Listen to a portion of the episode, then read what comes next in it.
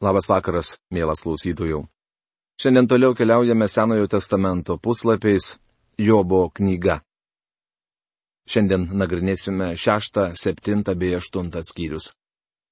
Šeštas ir septintas skyriai - tema Jobo atsakymas Elifazui. Tada Jobas atsakydamas tarė, a kad mano širdgėla būtų pasverta ir visos mano negandos padėtos ant svarstyklių. Jobo knygos šeštos skyriaus pirmą antrą eilutės.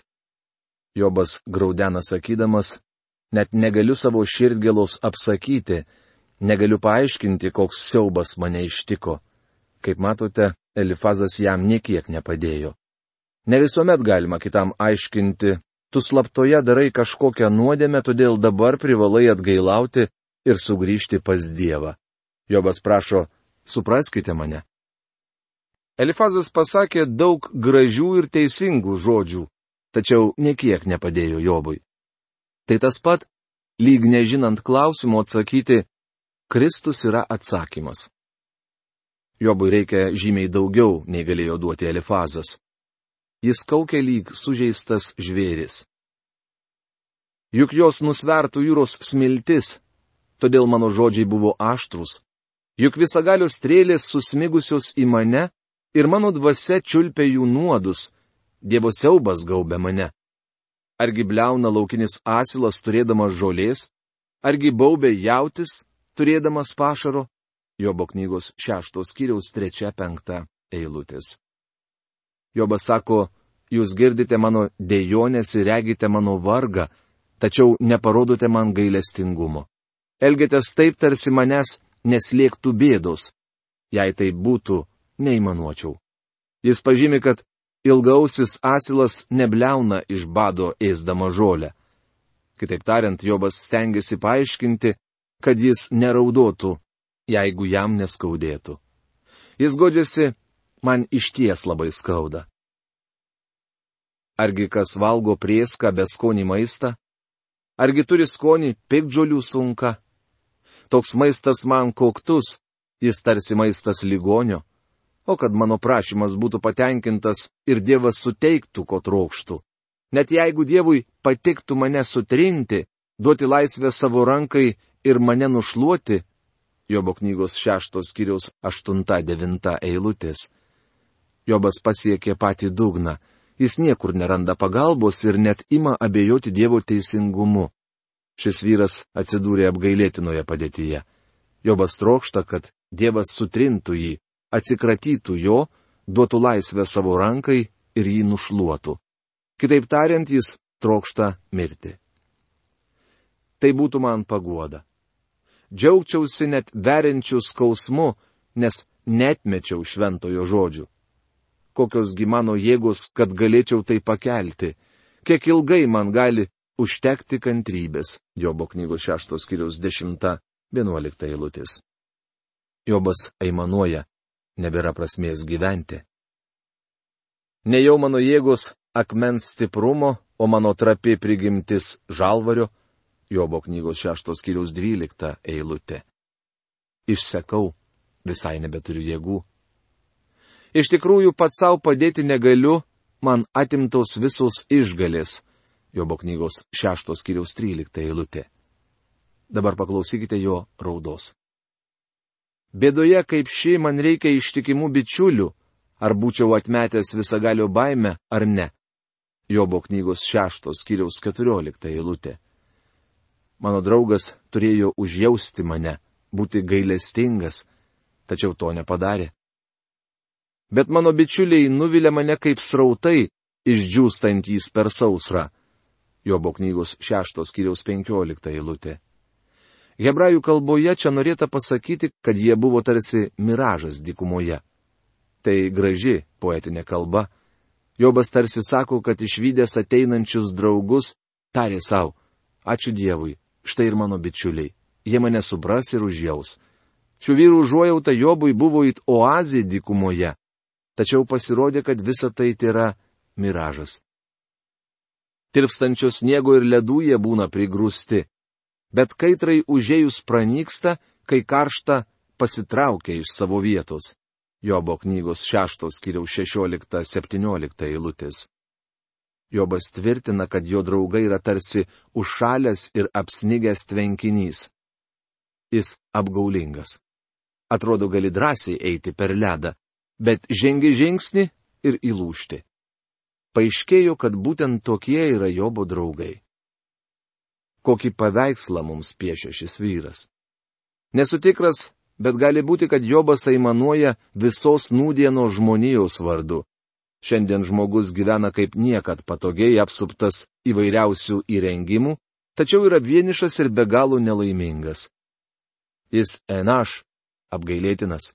Žmogui nepakanka prietaisų ir įrengimų, jam reikia Dievo. Netrukus Jobas tars, jei turite man ką pasakyti, klokite aš atviras pamokymams. Mokykite mane ir aš tylėsiu, parodykite, kur mano suklysta. Kokie įtaigus tiesų žodžiai, bet ką reiškia jūsų įrodinėjimai? Argi jūs neprasimanote žodžių įrodinėjimams ir bevilčio žmogaus žodžių nelaikote tauškalais?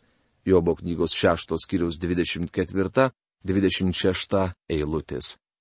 Jis sako, jūs teisingai kalbėjote, tačiau tai nesusiję su mano situacija. Jūs nesuprantate mano padėties. Kartą vienas žmogus nuėjo pas gydytoją ir šis jam diagnozavo artritą. Vėliau paaiškėjo, kad minėtasis žmogus serga vėžiu. Tačiau kai pacientas atsidūrė onkologo žinioje, buvo jau vėlų ko nors griebtis. Panašioje padėtyje yra Jobas. Jis sako, atėję bandote nustatyti man diagnozę, tačiau jūsų spėlionės klaidingos. Sakėte, kad aš slepiu nuodėmę, tačiau tai netiesa. Jei žinote tikslę diagnozę, ar turite man naudingą patarimą, kalbėkite ir aš jūs išklausysiu. Atminkite, šie trys draugai iš tikrųjų nepažinojo Dievo, Jobo ir net patys savęs. Jie nesuprato Jobo padėties, tad visi trys nusprendė, kad Jobas nusidėjo ir nenori atskleisti tiesos. Kadangi jis neišpažįsta savo slaptos nuodėmės, todėl Dievas jį baudžia. Argi žmogaus gyvenimas žemėje nėra sunki tarnyba? Argi žmogaus dienos nėra kaip samdinio dienos? Tarsi vergas jis trokšta pavėsio, tarsi samdinys laukia savo atlygio. Man skirti mėnesiai pilni nusivylimo, mano dalė naktys kupinos širdgėlos, Jobo knygos 7 skyriaus 1-3 eilutės. Jobas neranda atvangos nuo liūdėsio ir skausmo. Jis baisiai pasiligojęs, tačiau draugai atrodo, to visai nepaiso. Jie niekiek nepagodė Jobo, net jo žmona, jo pagalbininkė siūlė jam nusižudyti. Kai Jobo pasaulis virto šiukšlių krūva, jis tapo vargšu ir apgailėtinu žmogumi. Eidamas gulti klausiu, kada atsikelsiu, bet naktis ilga ir lygiai užros aš neramiai vartausi. Mano kūną dengia kirmelės ir purvas, mano oda pleišėja ir puliuoja. Mano dienos eiklesnės užaudėjo šaudyklę, be vilties jos skuba prie savo galo. Jobo knygos 7 skyriaus 4-6 eilutės. Matyt, Jobas jautė, kad serga nepagydoma lyga ir kad artėja jo paskutinioji. Tačiau Jobo bičiuliai tai visai nekreipė dėmesio. Elifazas, Bildadas ir Cofaras atėjo pas šį vargšą žmogų, tačiau visai nepatenkino jo poreikio. Jie paprasčiausiai nieko nesuprato. Sakoma, kad draugas yra tas, kuris pažįsta jūs ir vis vieną myli. Ši trijulė iš tikrųjų nepažinojo Jobo. Jobas godžiasi, kad draugai galėtų jį užjausti bent jau dėl tragiškos jo fizinės būklės. Kai pagalvoju, mano lova mane paguos, mano golis pasidalys su manimi skausmu, tu gazdini mane sapnais ir siauba man keli regėjimais, įdant rinkčiausi pasmaugimą ir mirtį, negu šiuos greučius. Daugiau nebegaliu. Amžinai negyvensiu. Tad pasitrauk nuo manęs, nes mano dienos tik ūkanos. Jobo knygos 7 skyriaus 13-16 eilutės. Panašu, kad karščiuodamas Jobas klėdėjo ir matė halucinacijas. Kas tas žmogus, kad jį taip aukštini, kodėl kreipė į dėmesį? Kasdien jį lankai, kiekvieną akimirką jį bandai, kiek ilgai nenuleisi akių nuo manęs ir net stosi, kol nurysiu seilės. Jobo knygos 7 skiriaus 17-19 eilutės. Jobas norėtų ramiai numirti. Norėtų, kad Dievas paliktų jį ramybėje.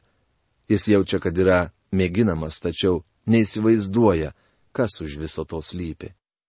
Panašiai reaguoja daugelis žmonių. Palik mane mano varge ir tiek.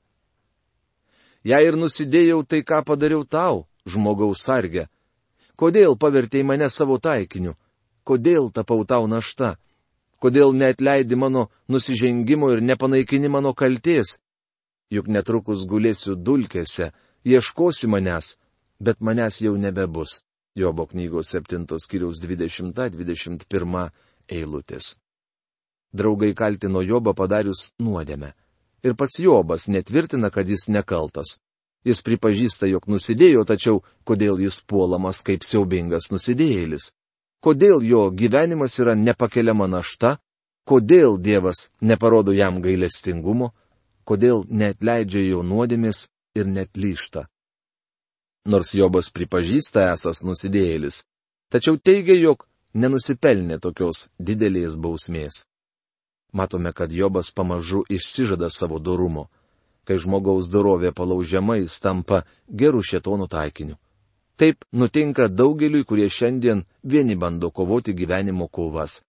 Žmogus ima gerti arba pasineria į nuodėmę. Palūžus žmogaus doroviai, šėtonas turi progą jį užpulti. Taip atsitiko ir Jobui. Ar jis palūž taip slegiamas? Jobo Knyga aštuntas skyrius tema pirmoji Bildado kalba. Antrasis Jobo užsipuola Bildadas. Šį vyrą galėtume pavadinti tradicionalistu. Tradicionalizmas tai yra ideologinė pažiūra, kad praeitis yra visų vertybių įkūnymas. Bildadas remiasi praeitimi. Štai jo argumentas. Paklausyk senosios kartos ir apsvarstyk protėvių patirtį, rašoma Jobo knygos 8 skyriaus 8 eilutėje. Jis tarsi ima senas geologinės iškasenas ir pažvelgęs jas bando pasakyti, kas buvo prieš daugelį metų ir kas nutiks ateityje. Iš tikrųjų, evoliucijos teorijos šalininkai yra tradicionalistai, nors daugelis to nesupranta. Evoliucionistai remiasi praeitimi ir priima už gryną pinigą tam tikras prielaidas, kurių nepajėgia įrodyti. Yra tik du šios visatos kilmės paaiškinimai - sukūrimas ir spekulacija. Tai yra nepagrysti samprotavimai. Evoliucija yra spekulacija. Iškasus kaulą bandoma jį datuoti. Jis priskiriamas tam tikram periodui, o tuomet susijęjamas su žmogaus vystimusi. Bet kas žino, Šis klausimas bus iškeltas ir Jobo knygoje. 38 skiriaus ketvirtoje eilutėje Dievas klausė Jobo, kur tu buvai, kai dėjau žemės pamatus? Pasakyk, jei esi toks supratingas. Pagrindiniai Bildado argumentai yra šie. Kai aš buvau jaunas ir mes elgdavomės taip ir taip. Šis vyras žinojo daug senų posakių, patarlių ir religingų tauškalų, tačiau iš tikrųjų jis nepasiūlo nieko naujo. Bildadas širkštesnis už Elifazą. Jis niekiek nepadeda Jobui. Atvirkščiai, užsipuola jį ir labai skaudina. Tad toks yra Bildadas, kuris vadina save Jobo draugu. Bildadas savo argumentus grindžia tradicija. Tada Bildadas Šuachas atsakydamas tarė. Kiek ilgai tu dar šitaip kalbėsi, žodžiai iš tavo lūpų tarsi smarki vėtra.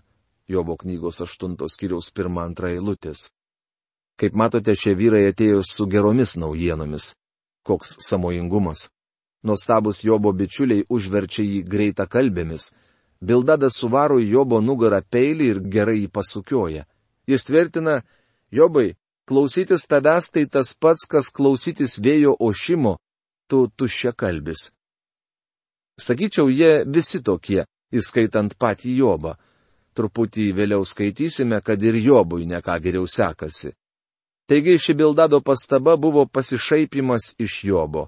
Aplink juos spietėsi žmonių minė. Klausyti šio pokalbio jiems buvo lygiai taip pat įdomu, kaip mums žiūrėti futbolą ar krepšinį. Anų laikų žmonės domino intelektualios varžybos.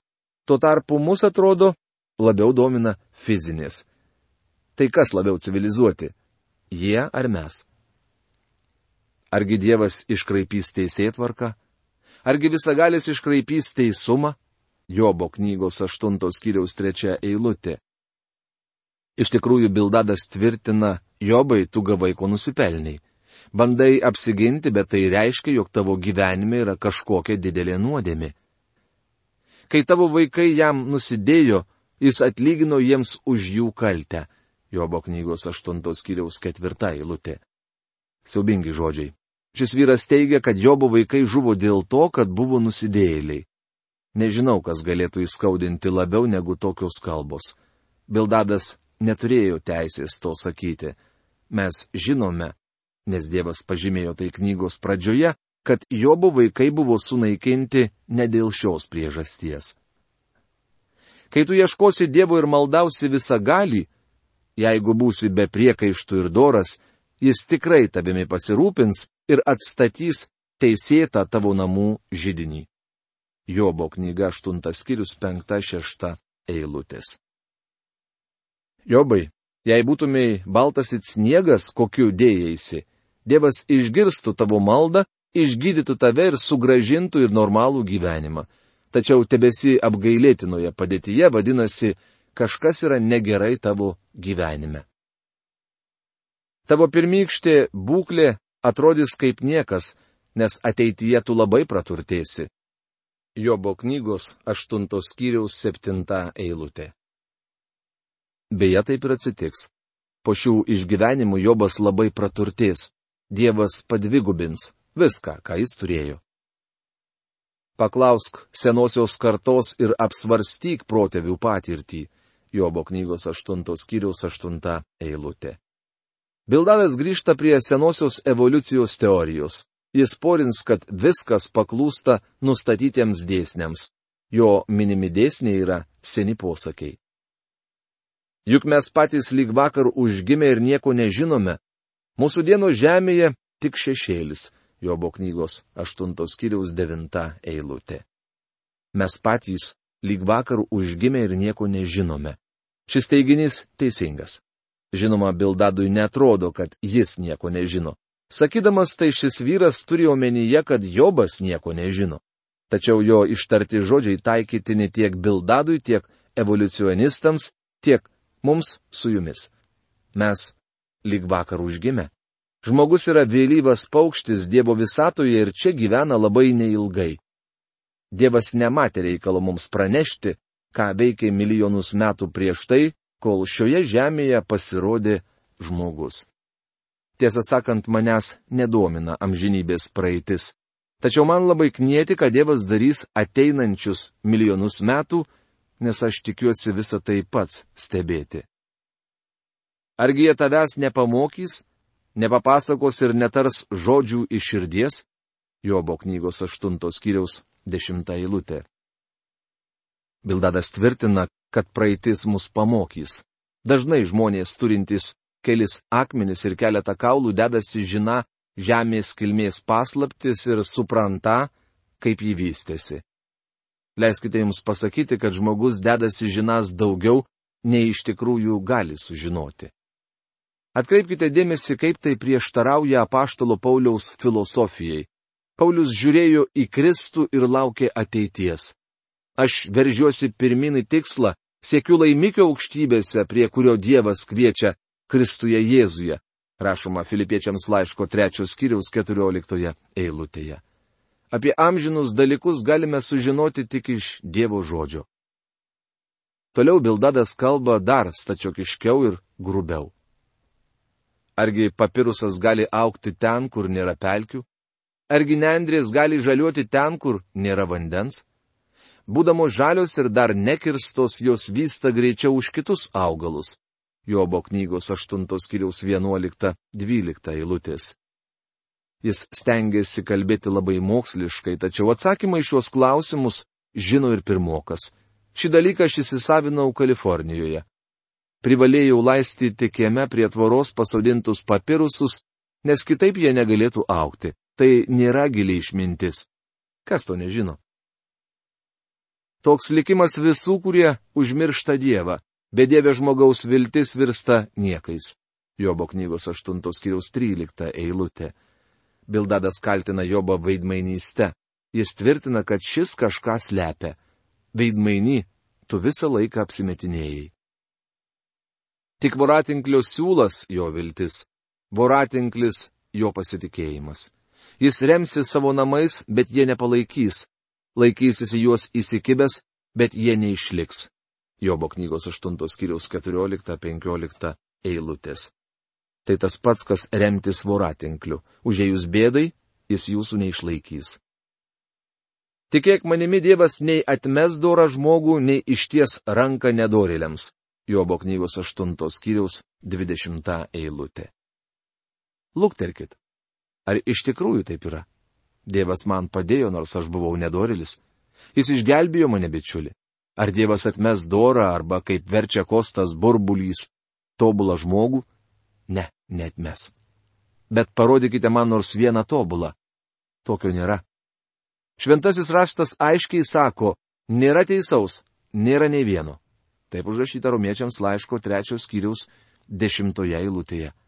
Nors Bildadas sako tiesą, ištyrus šiuos žodžius gyvenimo mėgintuvėlyje su patirties tirpalu, matome, kad jie nėra teisingi. Juokas vėl pripildys tavo burną ir džiugesio šauksmai bus tavo lūpose.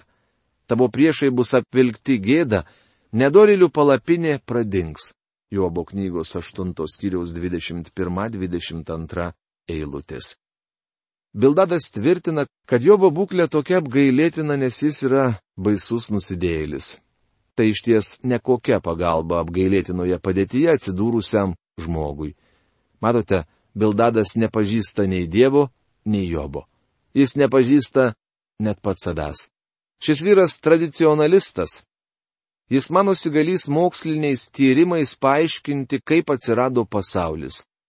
Bildadas gudročius, tačiau jis nežino tiesos, todėl negali užimti Dievo vietos.